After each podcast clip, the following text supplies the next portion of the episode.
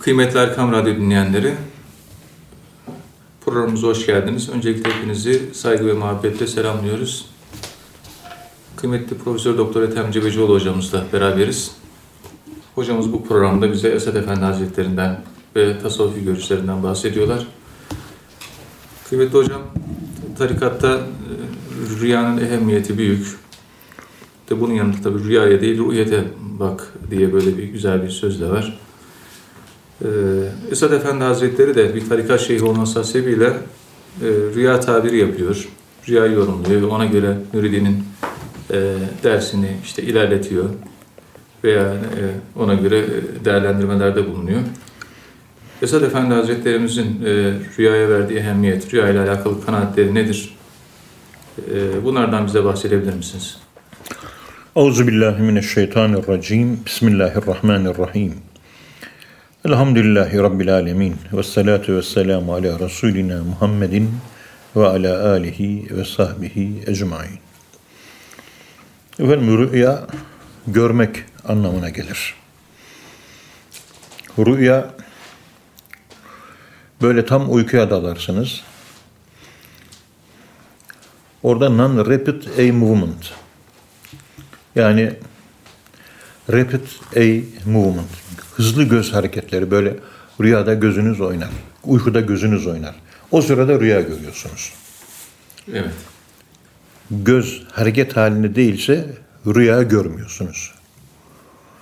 İşte her en uzun rüya hesap ediyorlar bilim adamları en uzun rüya bir buçuk ila iki, iki buçuk saniye sürüyor. Evet. Halbuki anlatıyor rüyayı. Uzun uzun. Böyle gördüm, şöyle oldu. Bilen bilmeyen de zannediyor ki herhalde bu rüyayı bir saatte görmüştür. Hayır. Ya bir buçuk saniye, ya iki saniye, ya da iki buçuk saniye. Uzun rüyalar bir buçuk, iki saniye görülüyor, bitiriliyor. Çünkü misal aleminde orada zaman mekan, buradaki zaman mekan değil. Demek ki farklı yani. Farklı bir zaman mekan var. Onun için e, e, biz buraya göre kıyaslarsak bir çatışmaya gireriz. E, zaman ve e, mekanın olmadığı bir alana ruhumuz gittikten sonra orada rüya görülüyor misal aleminde. Evet. Esad Erbil Hazretleri Kenzül İrfan adlı meşhur bir hadis kitabı var. Bugün doğudan medreselerin çoğunda e, orada görev yapan mollalara sohbet yaptığımız sırada o zaman biz bu Kenzül İrfan'ı, Esad Erbil Hazretleri'nin Kenzül İrfan adlı eserini ders olarak medreselerimizde okuyoruz ve okutuyoruz demişti. Yani o gelenek devam ediyor yani. O hep bir gelenek devam ediyor. Şu anda Türkiye'deki Güneydoğu'daki medreselerde bu Kenzül İrfan adlı hadis kitabı, binbir hadis kitabı okutuluyor. Evet. Okunuyor. Orada Hazreti Peygamberimizin efendime söyleyeyim nübüvvetin peygamberimizle bittiğine fakat peygamberliğin 46'da biri olan rüya Evet. ve rüyadaki müjdelerin kıyamete kadar süreceğine dair hadis-i şeriflere yer vermiştir. Evet. Rüya ile alakalı hadisler de var. Şey, Kenzül İrfan'da. Ee, Evvele mabüdü minel vahyi e, vahiy ilk olarak e, rüyayı saliha ile başlamıştır diye ilk gelen vahiylerin rüya üzerinden geldiği anlatılıyor. Evet. Hep onların uzun bir hikmeti var. Niye rüya ile başlıyor vahiy? O da çok önemli. İşte e, peygamberlik bilmiştir ama rüya yoluyla ötelerden bir takım haber abil- alabilmek, bir takım mesajlar alabilmek e, mümkün olabiliyor. Evet. Salih rüya. O da ama o rüyalar da kişinin kalbinin temizliğine göre açık, net olabiliyor. Veyahut da günahkar olmasına göre de çok sembolik ağır değerler ve yorumu güç şekilde de görülebilen rüyalarla ortaya çıkabiliyor. Ee, bu bakımdan pek rüyalara itibar edilmemesi uygun görülüyor. Ama salih kimselerin gördüğü rüyalar ki Peygamberimiz her sabah namazında ben şu rüyayı gördüm diye anlatır tabir ederdi. Gören var mı diye sorar. Görenlerin rüyalarını dinler tabir ederdi. Böyle bir sünnet de var. E, camilerde bu sünneti yapabilecek, rüya tabir edebilecek imam bulamıyorsunuz şimdi. Böyle bir sünnet peygamberimiz var. Camilerde namaz kıldıktan sonra imamın cemaate bunu sorması lazım. Bu da bir sünnettir. Yani bir kişilik tahlili oluyor değil mi hocam? Evet, rüya, tabii. rüya tabiri. Tabii kişilik tahlili. Estağfirullah Hazretleri'nin en büyük arzularından birisi Allah'ı görmek ve Allah'ın Resulünü görmek. Hiç olmazsa rüyada onları görerek vuslata ermek. Böyle bir arzusu var Esad Hazretleri. Bu divanının 99. sayfasında Esad Erbil Hazretleri diyor ki divanında seni rüyada görmeyi o kadar isterim ki talihim olur da seni görürüm diye uyku uyumayı arzu ediyorum diyor. Yani uykudaki Ya demek ki uykuya niyet ettiğimiz zaman uyalım da rüyada Allah'ı görelim. Uyalım da rüyada peygamberimizi görelim diye niyet ederek uyursanız herhalde bu uykudan dolayı sevap kazanırız gibi geliyor bana. Evet. Yani, Yani- Peygamberimiz e, sallallahu aleyhi ve sellem'i görme arzusu. Ne güzel bir arzu, ne güzel bir niyet.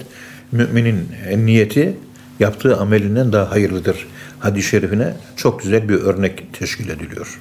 Teşkil ediyor. Evet. Esed Efendi Hazretleri bir tarikat şeyhi olduğu için müritlerinin tekamülünün göstergesi olarak ahlaki değişimle birlikte rüyaya da itibar eder. Ama gereği kadar. Evet. Rüyalara gerek mektup vasıtasıyla gerekse birebir görüşerek yorumlarda bulunur. Esad Efendi Hazretleri tebrike şayan diye iltifatta bulunduğu bir rüyayı şöyle açıklar.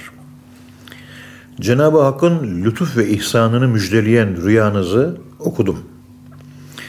Mübarek Beytullah'a yani Kabe'ye girmek ve rabıta anında rüyanızın kabulünü düşünürken bir güneşin görünmesi ve onun arkasından Peygamberimizin yattığı o mübarek Ravza-i Mutahhara'ya yönelmeniz ve sol tarafta yani kalp tarafında tarikat feyzi demek olan denizin zuhur etmesi gerçekten tebrike şayandır. Yani müritlerinden birisi rüyasında Beytullah'ı görüyor, Kabe'yi görüyor, Denizi görüyor. de- deniz görüyor. Yani.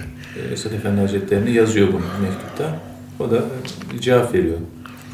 Bir başka rüyayı da şöyle yorumluyor Esad Erbil Hazretleri. Diyor ki birinci, ikinci ve üçüncü semada secdede, rükuda ve ayakta bulunan meleklerle kurulan münasebet ve ruhani görüşme ve bilhassa arşa kadar vuku bulan yükselişle vuku bulan cezbe cidden tebrike şayandır. Bir diğer rüya tabiri de şöyledir. Mana aleminde yani rüyada büyük mürşidimiz Tahal Hariri Hazretlerini, e, Tahal Hakkari Hazretlerini ziyaretle feyz alıp şeref bulduğunuz yazıyordu. Bu lütfundan dolayı Allah'a hamdolsun. Şeyh Taha Hazretlerinin şekil ve şemaili aynen müşahedenize muvafıktır. Ancak erdiğine inanan bir zatın arkasından giderken onun manevi eli sizi bundan men ederek isminizle hitap ederek tam bir şefkatle aşinalık göstermesi, hüsnü kabul ve inayetini gösterir. Ayağında bulunan papuçları için burada dursun demeleri tekrar ben buraya döneceğim. Bu anlamına gelir. Bu konuda sizi ikinci bir tebrikede gerek görmüyorum diyor. Evet. Esad Erbil Hazretleri bir müridinin gördüğü rüyayı mektup üzerinden e, cevaben şöyle yorumluyor.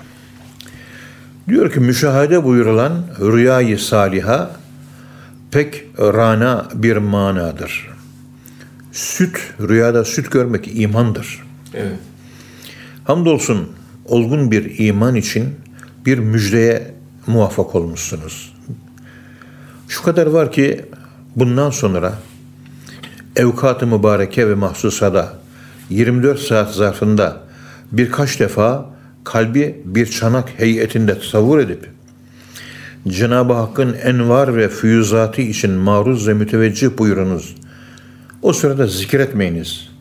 Bu murakabe ehadiyeti zikre bedel ediniz.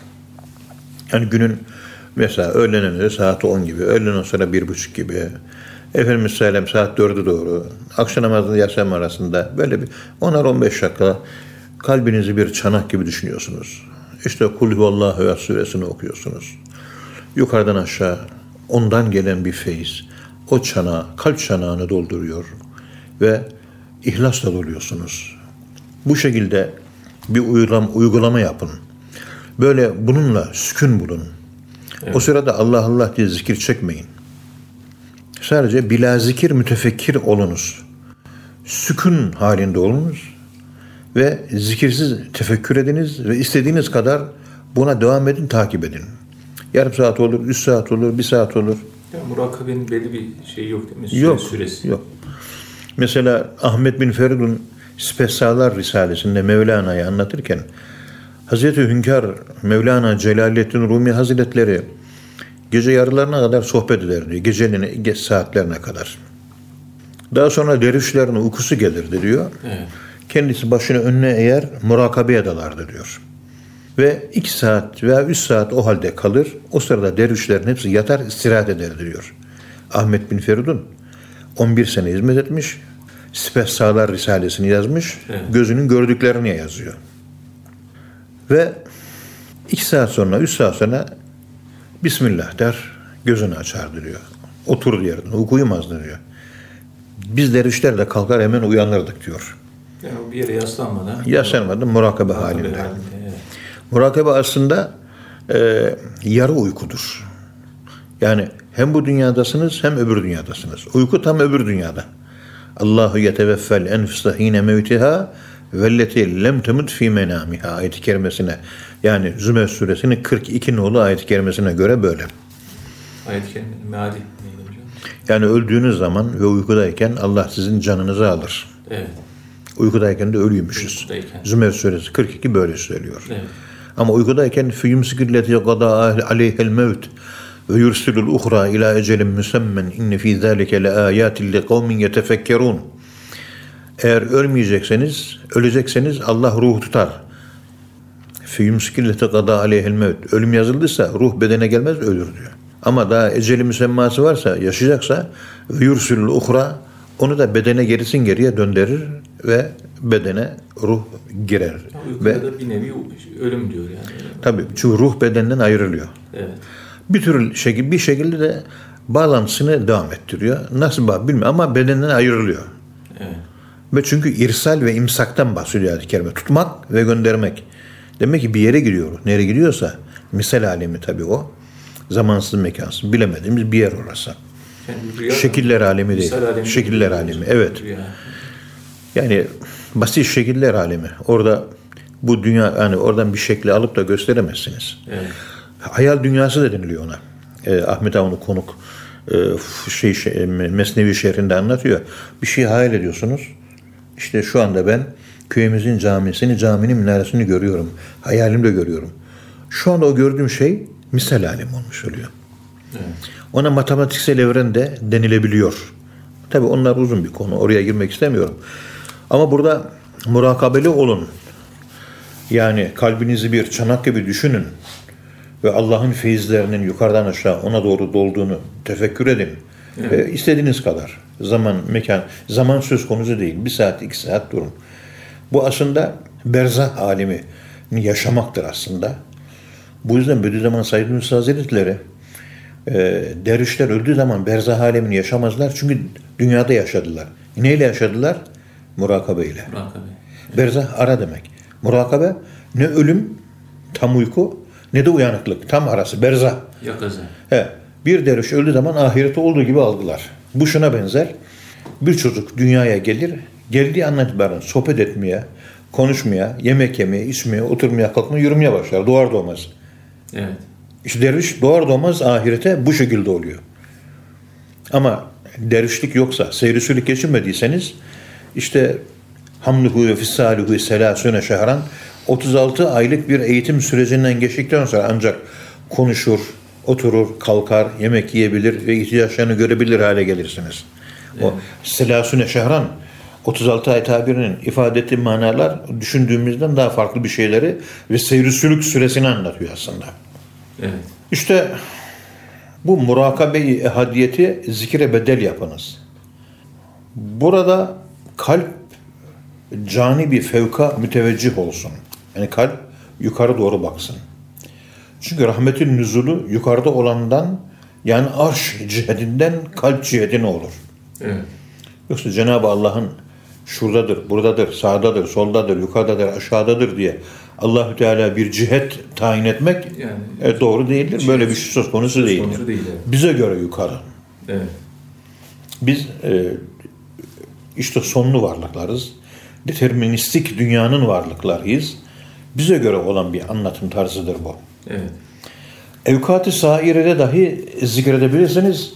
Fakat bu şekilde yapılan bir murakabe zikirin daha üzerindedir. Murakabe zikirden üstündür. Zikir sayılıdır, bellidir ama murakabe sayı yoktur. Evet. Sayısızlıktır, belirsizliktir. Daha farklı bir yapıdır. Murakabede bir huzur hali mi var ya hocam? Efendim? Huzur hali mi oluyor? Murak, sükun ve huzur yani. Şeyde e, içte bir huzur yaşarsanız o huzur dışarıya sükun olarak yansıyor. Bir insan dışarıda hareketlerinde sükunet varsa içinde de huzur var demektir. Bunlar hep birbirine bağlı şeyler. Vücut organlarında görülen sükuna yani maneviyattan dolayı vücut hareketlerindeki sükunet haline hudu adı veriliyor. Huzur. Hudu. Evet. Evet hocam, Esad Efendi Hazretleri'nin rüya ile alakalı başka e, söyleyeceği veya söylediği şeyler var mı? Efendim söyleyeyim. Estağfirullah Hazretleri bir rüya tabir ederken pervane gibi manevi ışığınızın etrafında bulunan ve bir saniye ayrılmasını arzu etmeyen iştiyaklı ruhaniyetimizin rüya aleminde Hacı Hüseyin Efendi tarafından görülüp size haber verildiğini ve sonra da teveccüh saçan gözlerinizin önünde bunun varlığını ispata muvaffak olmuşsunuz. Allah ruhaniyete ihsan buyurduğu cihet, Allah ruhaniyete ihsan buyurduğu ziyareti cismaniyete ihsan buyursun. Yani ruhaniyette manevi halinde görmüş olduğunuz ziyaret ettiğiniz kişiyi inşallah cismani olarak da ziyaret edersiniz diyor. Evet. Efendim bir başka rüyada rüyanızda gördüğünüzü söylediğiniz al ve kırmızı renkler ruh latifesinde zikir ve zikrin neticesinde meydana gelen vücut ısısının artışından ileri gelmektedir. Yani ruh zikri ikinci letaif zikri yapılırken oranın rengi kırmızıdır ve Hazreti İbrahim veya Hazreti Nuh'un kademi üzeredir orası. Yani rüyadaki renklerin de ayrı bir sembolik ifadeleri var değil mi? Hazreti Adem'inki sarı, kalp. Evet. Hazreti Musa siyah, sır. Hazreti İsa beyaz, e, hafi. Hazreti Muhammed Mustafa sallallahu aleyhi ve sellem göğsünün tam ortası, onun rengi de yeşil. Bunlar ayak izi peygamberlerin. Buna işte İngilizce'de footprint diyorlar veya kadem. Hazreti Adem'in kademi. Hazreti İbrahim ve Hazreti Nuh'un kademi. Bu gibi ifadeler kullanılıyor. Evet. Neyse. Yani sır latifesinde, e, ruh latifesinde kırmızı renk onunla alakalı olduğu için meydana gelen ateş ruh latifesinde zikirin yerleştirmesinden kaynaklanan bir ateş, manevi bir ateş. Onun kaybedilmemesi için de zikir esnasında ve zikirden sonra su içilmemesi lazım. Evet. Hakikaten o e, El Vesaya adlı eserinde Zeynüddin Hafi Hazretleri e, diyor ki bir hadis-i şerifte orada hadis-i şerifi okudum. Peygamberimiz Cebrail bana su içmemeyi çok tavsiye etti diyor. Yani onun yerine işte ayran içiyorsunuz. Yani greyfurt suyu içiyorsunuz. Efendim söyleyeyim elma suyu içiyorsunuz. Portakal suyu içiyorsunuz. Vişne suyu içiyorsunuz. Çay içiyorsunuz. Limonata içiyorsunuz. Evet. İşte suyun dışında ki şeyler o ateşe tesir etmez ama saf su tesir ediyor. Yani içeride bir aşk ateşi yanıyor. Yani o ateşin e, biraz e, şey ateşin azalmasına sebep oluyor. Tavsiye edilmiyor. Evet. Bununla ilgili hadis aramıştım. İlk defa Zeynüddin Hafi Hazretleri'nin El Vesaya adlı eserinde buldum. Evet. Onu da Bekir Köle doktora tezi olarak çalıştığı için hasbelkader okumak durumunda olduğum için Evet. o hadis hatırımda. Yani bir ateş meydana geliyor. Evet kıymetli hocam. Muhterem hocam Esad Efendi Hazretleri dergahta her gün 3 sayfa tefsir yapardı. Ee, bununla alakalı bir e, hatırat var, hatıra var. Ve bu tefsir dersini sizin de daha önceki sohbetlerinde bahsettiğiniz gibi bir şükür ifadesi olarak yaptığını ifade ettiniz. Evet. Ee, Bundan bahsedebilir misiniz? Yani tefsir dersinin ehemmiyeti nedir? Kur'an'a verilen ehemmiyet dergahtaki e, bunlardan bahsedebilir misiniz? Euzu billahi mineşşeytanirracim. Bismillahirrahmanirrahim. Elhamdülillahi rabbil alamin. Ves salatu vesselamu ala rasulina Muhammedin ve ala alihi ve sahbihi ecmaîn. Efendim 2000 senesinden az önce Kastamonu'da Ahmet Hasif Efendi amcayla görüşmüştük. O 1924-25 yılları arasında Kelami dergahında kalmış ve bazı hatıralarını bize anlatmıştı. Evet. Pir Efendimizin Esad Erbil Hazretleri'nin sohbetlerini şöyle anlatmıştı bize. Her gün Alaturka saat 2.30'da doktor gelir. Yani sabahtan sonra. Evet. Ee, diyelim ki saat 8.30 o mana. Efendim söyleyeyim Esat Efendimiz'i muayene eder. Ve lüzumlu işlemler yaptıktan sonra saat 3 civarında Hafız Sadri Efendi gelirdi diyor. Evet. Bu Hafız Sadri bir önceki haftada e, tekkenin hafızı diye bahsettiğimiz hafız olabilir. Çünkü Kur'an-ı Kerimler hep okuyor. Tekkenin hafızı. Orada Karlvet ismini anlatmamış ama buradan e, Hasip Efendi amcanın anlattığına göre o kişi Hafız Sadri Efendi. Evet. Keşke bunların bu gibi ismi geçen zevatı ailesini bulsak, çocuklarını bulsak, torunlarını bulsak, bunların hakkında resimler, bilgiler, belgeler, ufak tefek kelami dergahı çevresindeki hafızlar, bilim adamları, e, efendime söyleyeyim tüccarlar, siyaset adamları, sanatkarlar, esnaf, yani bunlar çıkarılsa ve bir belgesel film yapılsa ne kadar güzel olur. İnşallah zamanla İnşallah. bizim yaptığımız programlar onlara ebelik eder. İnşallah ona da muvaffak olurlar. İnşallah. Bu bir temenni, bir duadır. Çünkü büyük zatların hayatı e, kıssate salihin cündün min cunudillah büyük zatların hayatı, kıssaları, hikayeleri Allah'ın e, kalbe verdiği güçlerden bir güçtür. Evet. Yani ordularından bir ordu yani e, o kıssaları okuyan kalbi ve imanı güç kazanır. Yani Allah dostlarının hayatlarını okumak, dinlemek. Tabi. Tenzülür rahme inde zikri salihin. Salih kimselerin adları anıldığı zaman rahmet iner. Rahmet boşanır gökten. Evet. Önce Hafız Sadri Efendi gelirdi. Üç sayfa Kur'an okurdu. Ardından Fatiha çekilirdi. Evet. Bunun üzerine Esad Erbili Hazretleri Euzubillahimineşşeytanirracim Bismillahirrahmanirrahim diyerek Allahü Teala Hazretleri bu ayet-i kerimede şöyle buyuruyor diyerek sohbeti açardı. Okunan ayetler tefsir ederdi. Esad Erbili Hazretleri o Kur'an tefsirini, üç sayfalık Kur'an tefsirini yaparken önünde bir not, önünde bir kağıt olmazdı. Evet. İrticalen konuşulurdu. Çünkü önde kağıt olduğu zaman konuşmalar kesinlikle mekanik oluyor. Konuşan kişiyle dinleyen kişi arasına öndeki notlar perde oluyor. Feyiz azalıyor. O anda gönlüne geliyorsa gönlüne gelen şey konuşulacak. Doğrusu odur. Sohbetin manası bu. İrticalen, doğaçlama, içten geldiği gibi. Allah nasıl konuşturuyorsa öyle. Gönlüne geliyor. Gönlüne geldiği gibi. evet. Konuşurken hiç not önünde görmedim. Önünde ne kağıt vardı ne kalem vardı. Hiçbir şey görmedim diye yemin etsem günah olmaz diyor. Hasip Efendi söylüyor. Hasim Efendi söylüyor bunu. Üç sayfa Kur'an okur, o üç sayfayı tefsir yapardı diyor. Evet. O sırada Unkapanı Camisi imamı Hoca Yusuf Efendi vardı. Hoca Yusuf Efendi çok alim bir zattı. Bazen sohbeti sırasında Esat Efendimiz'e itiraz ederdi. Bakın bu tarikattaki bildiğimiz manevi sohbet değil. İlmi sohbet. Soru cevap var. İtiraz var. Tartışma var. Yani bir ders gibi. mi? Ders, Ders. ders yapıyor. Ders Bitti. yapılıyor, evet. Ders. Yani tekke medreseleşiyor bu şekilde. Evet. Sohbet ayrı bir şey. Sohbette oturup dinleyeceksin ne konuşulursa. Şurası yanlış, burası doğru, şu, bu, itiraz olmaz. Un kapanı imamı Hoca Yusuf Efendi itiraz eder, tartışır da deyince ha demek ki ders halakası. Derse de bu gibi tartışmaların yapılması hem dinleyenlerin dikkatini ve ilgisini celbeder hem de anlamayanların anlamasına vesile olur. İşte bu şekilde ilim halkalarındaki sorular ilmin anahtarıdır.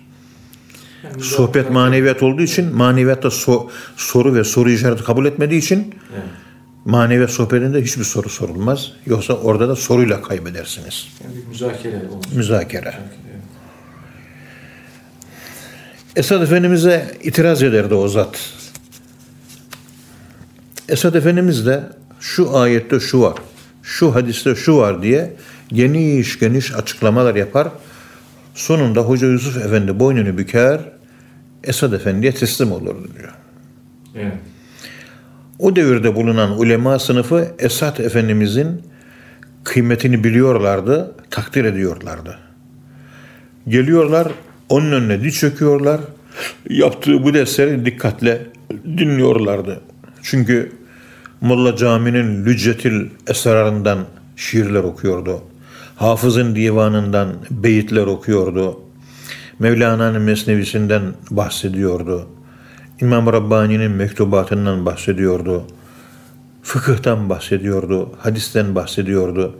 Çok geniş, yelpazeli bir sohbeti vardı. Geniş yelpazeli sohbetler dinleyenlere anlama konusunda bir mana sörfü medena getiriyor. Yani dinamik bir anlama e, dersi. Evet. Yani ders esnasında mana mana içerisinde, anlam anlam içerisinde, sır sır içerisinde e, bu şekilde e, oynak bir zihin, uyumayan bir akıl, hareket halinde uyanık bir kalp sohbette gündeme geliyordu. Onun için e, sohbet esnasında e, çok yönlü olarak konuşmakta fayda var. Alimdi Esad Efendimiz derya misali, mana, sena, mana semasında uçardı anka misali. Bismillahi. Evet hocam. Hocam Esad Efendi Hazretleri zikrin gayesinden bahsediyor. Yani zikrin tabii pek çok hedefi var. Yani allah Teala'nın hatırlanması ve insanın iç alemin temizlenmesi ve kalbin mutmain olması. Ee, Bununla alakalı Esad Efendi zikrin gayesi nedir? Ee, Bununla alakalı neler söylüyor? Esad Efendimiz Hazretleri zikrin gayesini anlatırken şöyle söylüyor. Zikrin gayesi Allah'ı bilebilmemiz ve ona şükredebilmemiz için bizi gafletten uyandırmasıdır. Zikir gafletten uyandırır, uyanalım da şükredelim. Gafletten uyanalım ki Allah'ı tanıyalım, marifetullah meydana gelsin. Çünkü gaflet içerisinde marifetullah olmaz. Uyanık bir kalple olur. Uyanık kalp de zikirle olur. Zikir hatırlamak aslında tam tersi e, şey, gaflet. Nesiye, unutmak ve gaflet. Gaflet, Evet. Evet. Zira sen farkına varmadan kalbinde yeni bir kuvvet oluşturur. Yani zikir çeke çeke çeke farkına varmazsın kalbinde bir güç oluşur. Güç oluşuyor. Kalbinde bir kuvvet oluşur. Bir gün Allah tarafından sana lütfedilen ve kitaplarda bulunmayan bir ilim ve hikmete sahip olduğunu göreceksin. Kendiliğinden kapılar açılır. Kalp açılınca kalbe bilgiler olmaya başlar. Nereden geldiğini bilemezsin. Çözersin olayları. İnsanları çözersin. Satırları değil, sadırları okumaya başlarsın. Yani bu iman gücü olmuş oluyor. Firaset, Firaset gücü. firaset. İmana dayalı firaset gücü. Evet. Zikir ile iç alemin aydınlanır. Ol zaman hak sana ayan görünür. Bismillahi. Efendim zikrin gayesi şudur. İnsan ruhu ilahi alemlerden gelir. Ve giderek yoğunluğu, kesafeti artan maddi alemlerden geçerek kafeste hapsolmuş bir kuş gibi bedene girer. Ruhlarımız, bedenlerimizde çok ciddi manada hapishanedir. Onun için dünya sicnül mümin inanan bir kimse bu dünyanın zindan olduğunu farkına var. Ha, Hadis-i şerif bu. İnanan kimse dünyanın zindan, zindan olduğunu farkına varır. İnanmayan kimse de zindanı e, bir cennet gibi güzel görür. Yani ten kafesi aslında bizi Tabii, tabii. zindan yani. Tabii. Bir mümin için. Bir kafir için burası dünya cennettir. Ama hakikati halde e, bir burası e, ruhun çok yönlü kabiliyetleri var. Beş duyu ile sınırlı kabiliyetler, zamanlılık ve mekanlılığa, zamansız ve mekansız ruhu hapsedince bir mahkum gibi oluyor. İnancınız kuvvetlenince, imanınız artınca bu mahkumiyeti ve hapis olduğunuzu fark edebiliyorsunuz. Bu da önemli bir husus. Evet. Başlangıçta kendini beden içinde bir esir gibi zindanda hissettiği için ruh başlangıçta mutsuzdur. Onun için ruh bu bedene girip hapishaneye girdiğinde Evet. dünyaya gelişimiz sırasında hepimiz ağlarız. Hapishaneye ilk defa düşen insan da alışana kadar önce bir günlerce hapishanede ağlar. Alıştıktan sonra artık ağlamayı keser. İyice alışırsa artık hapishanede gülmeye başlar. Biz dünya hapishanesinde bol güldüğümüze göre bu dünyaya epeyce bir alışmışız demek ki. Evet. Ama doğarken ağlayarak geliyoruz. İşte dünyaya gelirken ağlayarak gelmemizin sebebi hapishaneye giriyoruz. Hapishaneye geliyoruz. ruhun hapishaneye girmesi olayıdır doğum bu. Yani aslında ruhun ölümüdür dünyaya gelmek. Ölüm de ruhun dirilişidir. Anlayana. Resurrection. Yeniden dirilişte. Ruhlar bedenlenecek tekrar. Ama orada özgürlük. Şekil değil, ruh esas olacak orada. İmam Gazali Hazretleri hayat bir rüyadır diyor. Rüyadan uyanmaksa ölümdür diyor. Evet, uyanmaz, ölüm öyle. Rüyadan uyan. Fakat zamanla insan bu zindana alışır. Bunun sonucunda da asıl geldiği alemi unuttuğu için hapiste olduğu halde kendini vatanında gibi rahat hissetmeye başlar. İşte zikrin gayesi ona gerçek vatanının bir hatırasını hatırlatarak gerçek vatanına özlem duymasını sağlamaktır ve oraya giden yolu bulmasını öğretmektir. Zikir bunun için lazımdır. Zikir olmazsa biz bu vatanı asıl vatan zannediyoruz. Halbuki hubbul vatan minel iman, ahiret esas vatandır. Orayı sevmek imandandır. Dolayısıyla ahireti sevmek demek ölümü sevmek demektir. Ölümü sevmek demek bizzat aşk, bizzat imandır. Kul ya eyyühellezine hâdü in zâmtum ennekum evliyâ'u lillahi min dûnin nâs fetemennevül mevte. Allah'ı seviyorsanız ölümü arzulayın. Çünkü ölümün arkasında Allah duruyor. Zikir işte zamansız mekansızlığa yani ölüme sıçrama yapıyoruz gaybet halinde. Orada Allah hissediyoruz. Ölmeden önce Allah'ı zikirle bulabiliyoruz. Allah'ı yaşayabiliyoruz. Allah'ı içselleştirebiliyoruz.